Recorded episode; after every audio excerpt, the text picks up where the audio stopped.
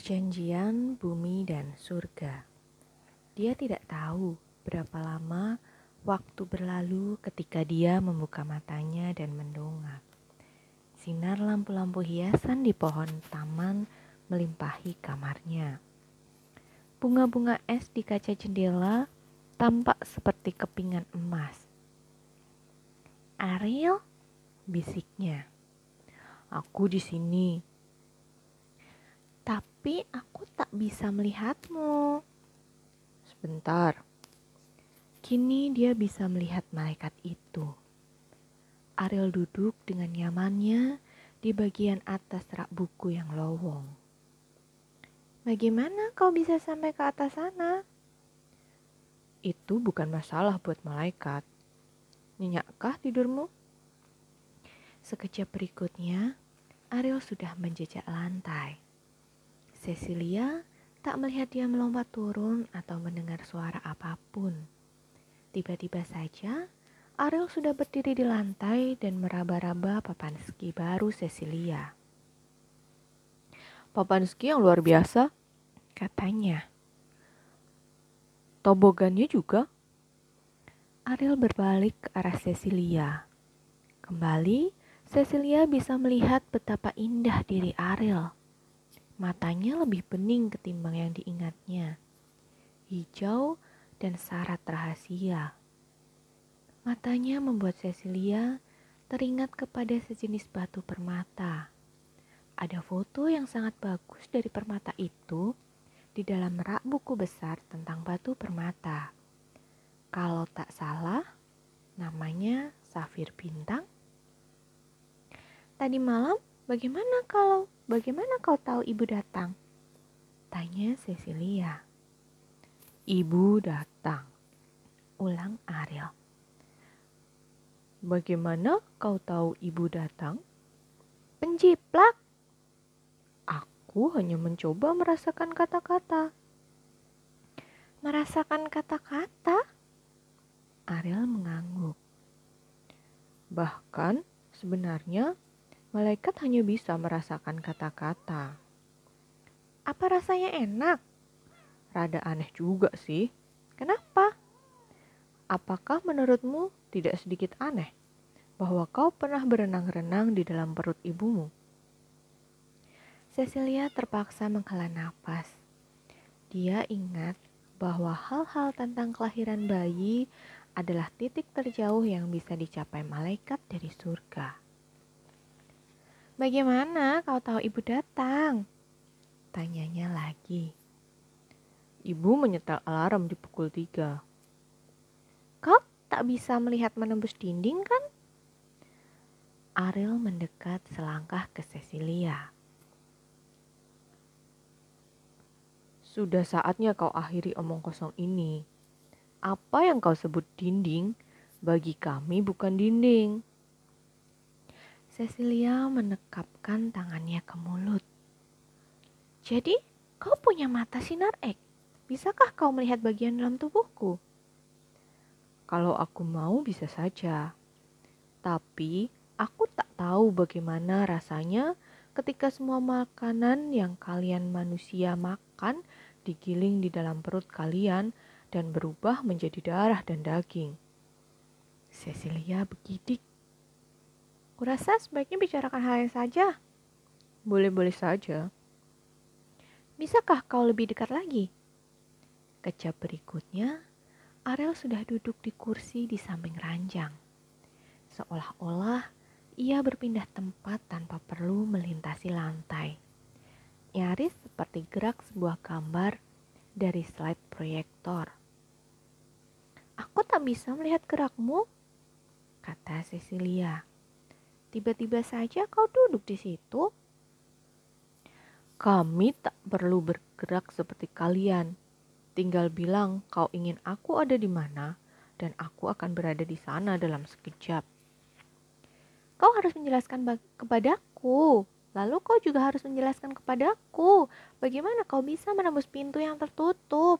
Aku tidak bisa memahaminya. Ariel tampak ragu-ragu. Aku bersedia dengan satu syarat. Cecilia terkejut. Tak kusangka malaikat mengajukan syarat agar mereka mau melakukan perbuatan baik. Tapi yang kau minta bukan perbuatan baik. Kau memintaku membocorkan rahasia surga. Kalau begitu apa syaratmu? Kau harus memberitahukan kepadaku rahasia-rahasia bumi. Omong kosong, kamu kan sudah tahu semuanya. Ariel beringsut ke pinggir kursi. Aku tidak tahu rasanya punya badan dari darah dan daging. Aku tidak tahu rasanya tumbuh. Aku tidak tahu rasanya makan, kedinginan, atau bermimpi indah. Aku yakin aku bukan manusia pertama yang kau ajak bicara. Bukankah kau katakan kalian hidup abadi? Aku juga pernah bilang bahwa kami tak henti-hentinya takjub akan alam ciptaan ini, dan kami tidak sering-sering menunjukkan diri. Terakhir kali aku bertugas sebagai malaikat pendamping adalah di Jerman lebih dari 100 tahun lalu. Siapa yang kau dampingi saat itu? Nama anak itu Albert, dan dia benar-benar sakit keras. Akhirnya, bagaimana keadaannya? Sayangnya tidak terlalu baik, karena itulah aku di sana. Cecilia mendengus. Tentunya kau tidak berkunjung hanya ketika keadaan buruk kan? Itu adalah salah satu hal terkonyol yang pernah ku dengar. Menghibur seseorang yang sedih tidak pernah merupakan hal konyol.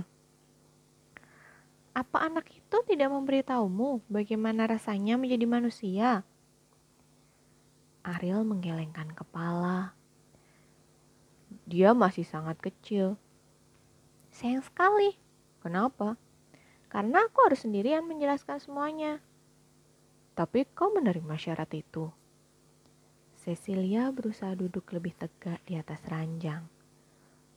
Akan ku coba, kata Cecilia. Tapi kau duluan. Setuju.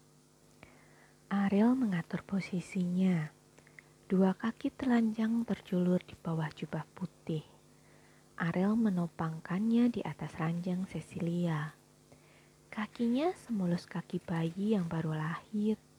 Cecilia tak melihat satupun pori-pori di kulitnya.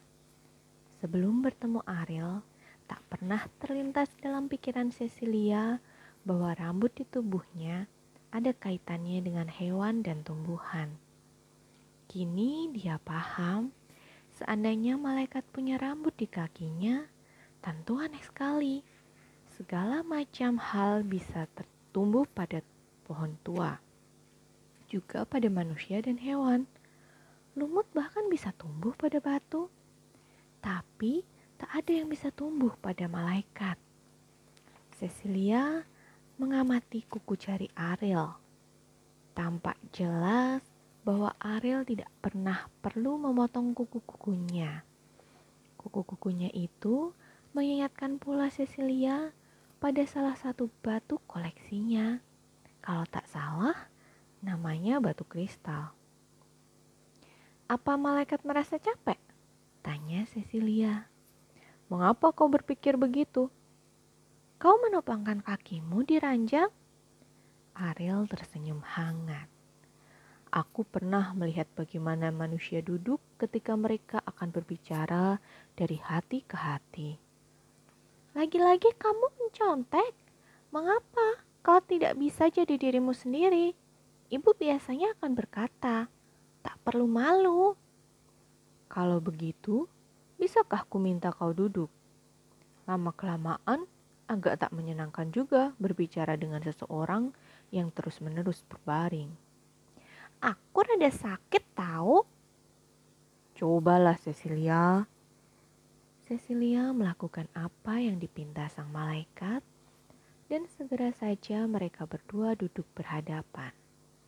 Cecilia di tempat tidur, Ariel di kursi. Cecilia merasa jauh lebih baik. Sudah lama sekali dia tidak duduk dengan punggung tegak. Cecilia mulai memikirkan apa rahasia bumi yang harus diberitahukannya kepada sang malaikat. Ariel memulai. Banyak manusia membayangkan malaikat seperti ruh tanpa tubuh yang melayang pulang pergi antara surga dan bumi. Aku juga membayangkan malaikat seperti itu. Yang benar adalah sebaliknya. Bagi kami, kalianlah yang maya dan tak konkret. Jika kau tendang sebongkah batu, kakimu akan membetur batu itu. Jika aku melakukan hal yang sama, aku hanya akan mendang menembus batu itu. Bagiku, batu itu tak jauh beda dengan kabut. Kalau begitu, aku bisa paham mengapa kau bisa menembus pintu dan jendela tanpa terluka. Tapi aku tak paham mengapa dinding yang kau tembus juga tak rusak. Saat kau berjalan menembus kabut, kabut itu juga tak rusak.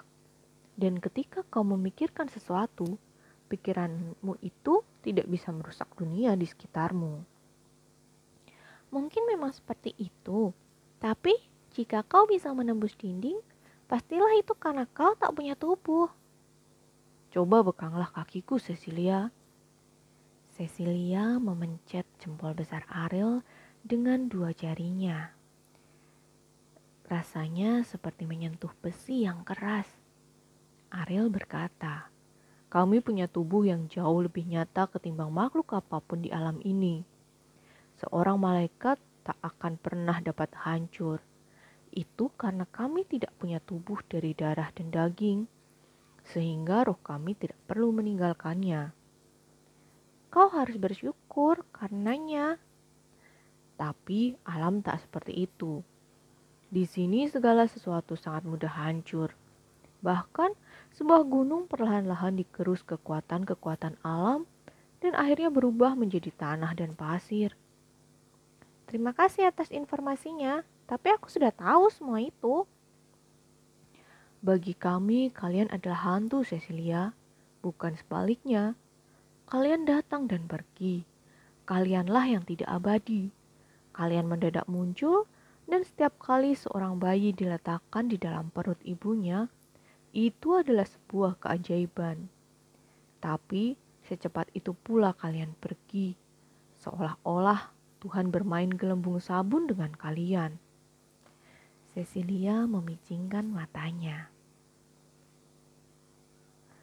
Maaf kalau aku terlalu terus terang, tapi itu terdengar sedikit jahat. Ariel mengangguk. Mungkin itulah kata yang tepat untuk menyebutnya. Ada kejahatan di alam ini, ada masalah dalam seluruh ciptaan. Menurutku tidak menyenangkan punya masalah dalam diri kita. Aku juga tidak suka dianggap sebagai hantu. Ariel mendekapkan tangannya ke mulut, seolah-olah mendadak dia sadar terlalu banyak membocorkan rahasia. Tapi bagi sesama manusia, kalian bukan hantu. Cepat-cepat dia menambahkan. Bukankah ayahmu harus memegangmu erat-erat dan mengencangkan seluruh ototnya setiap kali dia membopomu turun ke ruang keluarga? Bla bla bla. Kenapa kau berkata seperti itu? Kau punya jawaban-jawaban pintar untuk semua yang kutanyakan kepadamu. Tapi aku belum melihat bukti bahwa apa yang kau katakan itu benar. Nah, kembali lagi deh. Kembali ke mana? Kau masih menganggap aku berbohong. Cecilia berpura-pura tidak mendengarnya. Contohnya saja, Bisakah kau berjalan menembus tembok untuk melihat apakah ayah dan ibu masih tidur? Kita tidak boleh terlalu sering melakukan permainan seperti itu. Sekali ini aja, oke? Okay? Ariel bangkit dari kursi dan berjalan perlahan melintasi lantai. Saat mencapai dinding, dia terus saja berjalan tanpa menghiraukannya.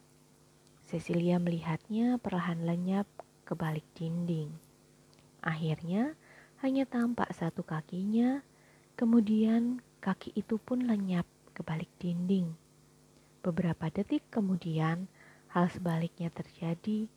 Ariel muncul merahan dari dinding dan berdiri di tengah kamar. Mereka berdua tidur, katanya. Ayahmu memeluk pundak ibumu dengan satu tangannya. Alarm jam disetel di pukul tujuh. Hebat! Teriak Cecilia sambil bertepuk tangan. Kalau begitu, aku tidak perlu tidur di kamar ayah dan ibu. Tidak, jika kau butuh sesuatu, aku bisa membangunkan mereka lebih cepat daripada alarm jam mana pun. Benarkah? Ariel tersenyum pasrah. Pasti karena lagi-lagi Cecilia tidak mempercayainya. Ariel berkata, Setiap kali aku melakukannya, selalu menyenangkan rasanya. Mereka pikir mereka bangun sendiri, lalu mereka berkata, "Aneh, bukan? Aku bangun tepat pada saat itu." Aku merasa ada sesuatu yang buruk terjadi. Senang melihat kau menembus tembok tadi. Melihat orang dewasa tidur juga menyenangkan. Mereka sering terlihat seperti anak kecil. Mungkin mereka bermimpi bermain salju di luar sana. Wajah Cecilia menjadi berbinar-binar. Kau memberiku ide. Bisakah kau turun ke halaman dan mengambilkan sebuah bola salju untukku? Kamu mau kan tidak perlu membuka kunci pintu? Ariel sudah bangkit dari kursi. Yang perlu kulakukan hanyalah mengelurkan tanganku menembus kaca jendela, katanya. Ada banyak salju di pinggir jendela sebelah luar. Dan itulah yang dia lakukan. Ariel melompat ke atas meja tulis Cecilia dan bisa dan Cecilia bisa melihatnya menjulurkan tangan menembus jendela yang tertutup rapat. Detik berikutnya, dia sudah kembali ke tengah kamar dengan sebuah bola salju kecil di tangannya. Kaca jendela itu tetap utuh. Cecilia menatap takjub. Luar biasa. Apa kau puas sekarang? Belum. Aku ingin merasakan sendiri salju itu. Nih, kata Ariel sambil melemparkan bola salju itu ke atas selimut Cecilia. Cecilia memungutnya dengan kedua tangannya. Dingin es, katanya. Ini pertama kali aku merasakan salju tahun ini. Salju tahun ini, ulang Ariel. Hampir terdengar seperti buah musim ini atau hasil laut musim ini. Cecilia menempelkan bola salju itu ke pipinya. Ketika bola salju itu mulai mencair, dia memasukkannya ke gelas di meja di samping ranjangnya. Ariel kembali duduk. Aku sendiri tidak pernah merasakan salju, kata Ariel, nyaris seperti menyesal. Aku tahu, aku tak bakal bisa merasakannya selama-lamanya. Kau pasti bercanda, kau hanya perlu merasakannya. Aku tidak merasakan apa pun. Malaikat tidak bisa merasakan apa pun, Cecilia. Apa kau tidak merasakan salju itu dingin? Ariel menunjukkan ekspresi putus asa. Kau harus mulai belajar menerima hal-hal semacam itu, Cecilia. Kalau tidak, tidak akan menyenangkan bicara denganmu. Bagi kami, Merasakan salju sama seperti merasakan pikiran. Kau kan tidak bisa merasakan ingatanmu tentang salju yang turun tahun lalu. Cecilia menggeleng dan Ariel bertanya, Bagaimana rasanya memegang bola salju? Dingin, dingin es. Kau sudah bilang itu tadi. Sekarang Cecilia berpikir keras. Kulit kita tersengat Salju terasa menusuk seperti peppermint yang kuat. Kau ingin melepaskannya dan kau menggigil. Tapi rasanya juga menyenangkan. Selama Cecilia menjelaskan, Ariel mencondongkan badan kepadanya dengan penuh perhatian. Aku tidak pernah merasakan peppermint, katanya. Aku juga tidak pernah menggigil. Baru sekarang Cecilia menyadari Betapa sulit bagi Ariel untuk memahami hal-hal duniawi, sama seperti betapa sulit bagi Cecilia untuk memahami hal-hal surgawi. Pasti menjengkelkan sekali menyentuh sesuatu tanpa dapat merasakannya. Salah satu hal paling mengerikan yang ku tahu adalah anestesia di dokter gigi. Anestesia di dokter gigi. Ulang. Tapi pasti lebih mengerikan lagi di anestesia total. Kau pasti bahkan tidak bisa merasakan bahwa kau hidup. Ekspresi Ariel tetap datar. Suasana hatinya tak tertebak. Kemudian Ariel bertanya, Bisakah kau merasakan seluruh tubuhmu? Cecilia tertawa. Tidak di rambutku, juga di kukuku. Tapi kau bisa merasakan semua tempat di tubuhmu yang memiliki kulit dan itu hampir di seluruh tubuhmu. Daging dan darah dan dagingmu dibungkus oleh sebuah baju ajaib yang membantumu merasakan keadaan di sekelilingmu. Bayangkan kekuatan yang mampu menciptakan hal semacam itu. Batu ajaib. Kulitmu, Cecilia, yang kumaksud adalah jejaring rumit saraf itu. Ketika Tuhan menciptakan alam semesta, dia dengan amat pandainya membuat makhluk-makhluk bisa merasakan diri mereka sendiri. Tidakkah kau setuju bahwa itu sangat pandai? Mungkin apa semua bagian tubuhmu sama pekanya? Cecilia harus merenungkannya sejenak. Tidak semua bagian tubuhku gampang geli. Beberapa bagian enak sekali digelitiki. Kadang-kadang saking enaknya sampai-sampai nyaris terasa sakit. Apa kau tahu sesuatu yang saking enaknya sampai-sampai nyaris terasa sakit? Apa kau tahu sesuatu yang saking enaknya sampai-sampai nyaris terasa sakit? Lagi-lagi kau jadi tukang santet. Ariel menggelengkan kepala gundulnya. Aku hanya mencoba memahami perkataanmu. Apakah juga ada sesuatu yang saking sakitnya sampai nyaris terasa enak? Tidak. Maaf jika aku harus bertanya. Kau harus maklum, malaikat tidak tahu seperti apa sakit itu. Apa kau sama sekali tidak bisa merasa seperti tanah dan batu?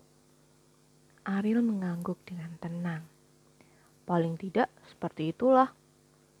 Aku tidak tahu mana yang lebih kusuka antara menjadi batu atau malaikat.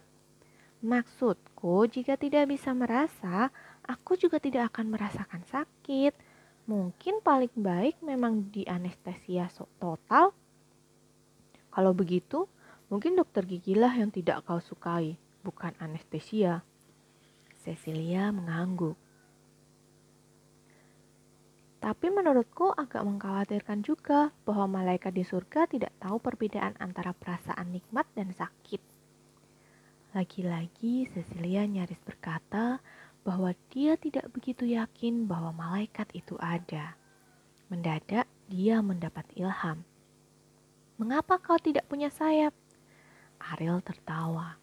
Salap ma sayap malaikat hanyalah tahayul kuno yang dimulai pada masa ketika manusia menganggap bumi ini datar seperti kue dadar dan bahwa malaikat sepanjang waktu terbang pulang pergi antara surga dan bumi. Sebenarnya tidak sesederhana itu. Kalau begitu bagaimana dong? Burung memerlukan sayap untuk terbang karena mereka terbuat dari darah dan daging. Kami terbuat dari roh, jadi kami tidak memerlukan sayap untuk bergerak di alam semesta ini. Cecilia tersenyum. Itu sama seperti pikiran-pikiranku. Pikiranku juga tidak butuh syarat sayap untuk terbang menjelajah dunia. Sebelum Cecilia selesai berbicara, Ariel bangkit dari kursi dan mulai melayang di atas kamar seperti sebuah balon udara. Cecilia memandang takjub. Luar biasa, teriaknya. Apa rasanya menakjubkannya? Ariel mendarat di depan rak buku. Aku tidak bisa merasakan apa pun. Rasanya pasti aneh. Pasti aneh rasanya tidak bisa merasakan apa pun. Tapi pikiranmu tidak bisa merasakan apa yang dipikirannya. Tidak seperti kau bisa merasakan bola salju di tanganmu. Ariel mengambil papan ski baru itu dan mengacungkannya kepada Cecilia. Apakah menyenangkan bermain ski? Cecilia mengangguk. Aku akan segera mencobanya. Tapi itu pasti pengalaman dingin, terutama jika kau jatuh di salju. Apa kau akan mengalami perasaan menggigil dan tusukan peppermint di seluruh tubuhmu? Tidak jika kita mengenakan pakaian yang cukup tebal dan rapat. Kalau seperti itu, yang kita rasakan adalah salju itu seempuk kapas. Kadang-kadang kami melepas papan ski dan membuat gambar malaikat dengan telentang di salju dan menggerak-gerakkan kaki dan tangan kami. Menyenangkan sekali. Ariel telah meletakkan kembali papan ski itu. Dia berkata, kami benar-benar menghargainya. Lagi pula, itu menunjukkan betapa erat hubungan anak manusia, anak-anak manusia dengan anak-anak Tuhan di surga. Benarkah? Ariel mengangguk tenang. Pertama, karena kalian membuat gambar malaikat, padahal kalian bisa dengan mudah menggambar hal-hal lain. Kedua, karena kalian senang saat melakukannya, semua malaikat gemar melakukan hal-hal menyenangkan. Apa kau pikir orang dewasa juga gemar melakukan hal-hal menyenangkan? Ariel mengangkat bahunya. Apa kau pernah melihat orang dewasa yang mencopot papan skinya dan terlentang di atas salju, salju cepat tebal untuk membuat gambar malaikat. Cecilia mengangguk. Nenek pernah melakukan persis seperti itu. Nah, kau paham sekarang? Paham apa? Nenek belum kehilangan kontak dengan anak-anak di dalam dirinya. Ariel mulai lagi melayang-layang di atas kamar. Ketika mendarat di kursi di samping ranjang Cecilia, dia berkata, Aku minta maaf harus mengatakan ini, tapi percakapan ini mulai membosankan. Kenapa? Ariel mendesah. Ini adalah pertemuan langka antara surga dan bumi. Aku semestinya memberitahumu banyak sekali rahasia menakjubkan tentang surga. Itu jika kau memberitahuku bagaimana rasanya terbuat dari darah dan daging. Cecilia merasa lemas dan letih karena dia menganggap malaikat Ariel mulai mengulang-ulang pembicaraan. Cecilia berkata, agak menjemukan rasanya hanya berbaring di sini. Ariel mengangguk. Sejauh ini tugasku menjadi malaikat pendamping untukmu juga tidak terlalu menyenangkan. Bisakah kita turun ke ruang keluarga? Aku hanya berada di sana saat mereka membagi-bagikan kado. Bisakah kita turun ke ruang keluarga? Ulang Ariel. Ya, kenapa tidak? Sekarang masih Natal. Menurutmu, kau bisa membantuku menuruni tangga? Tentu. Apakah kuat membopongku? Beratmu sama sekali tidak kami rasakan, Cecilia. Kalau begitu, bawa aku turun.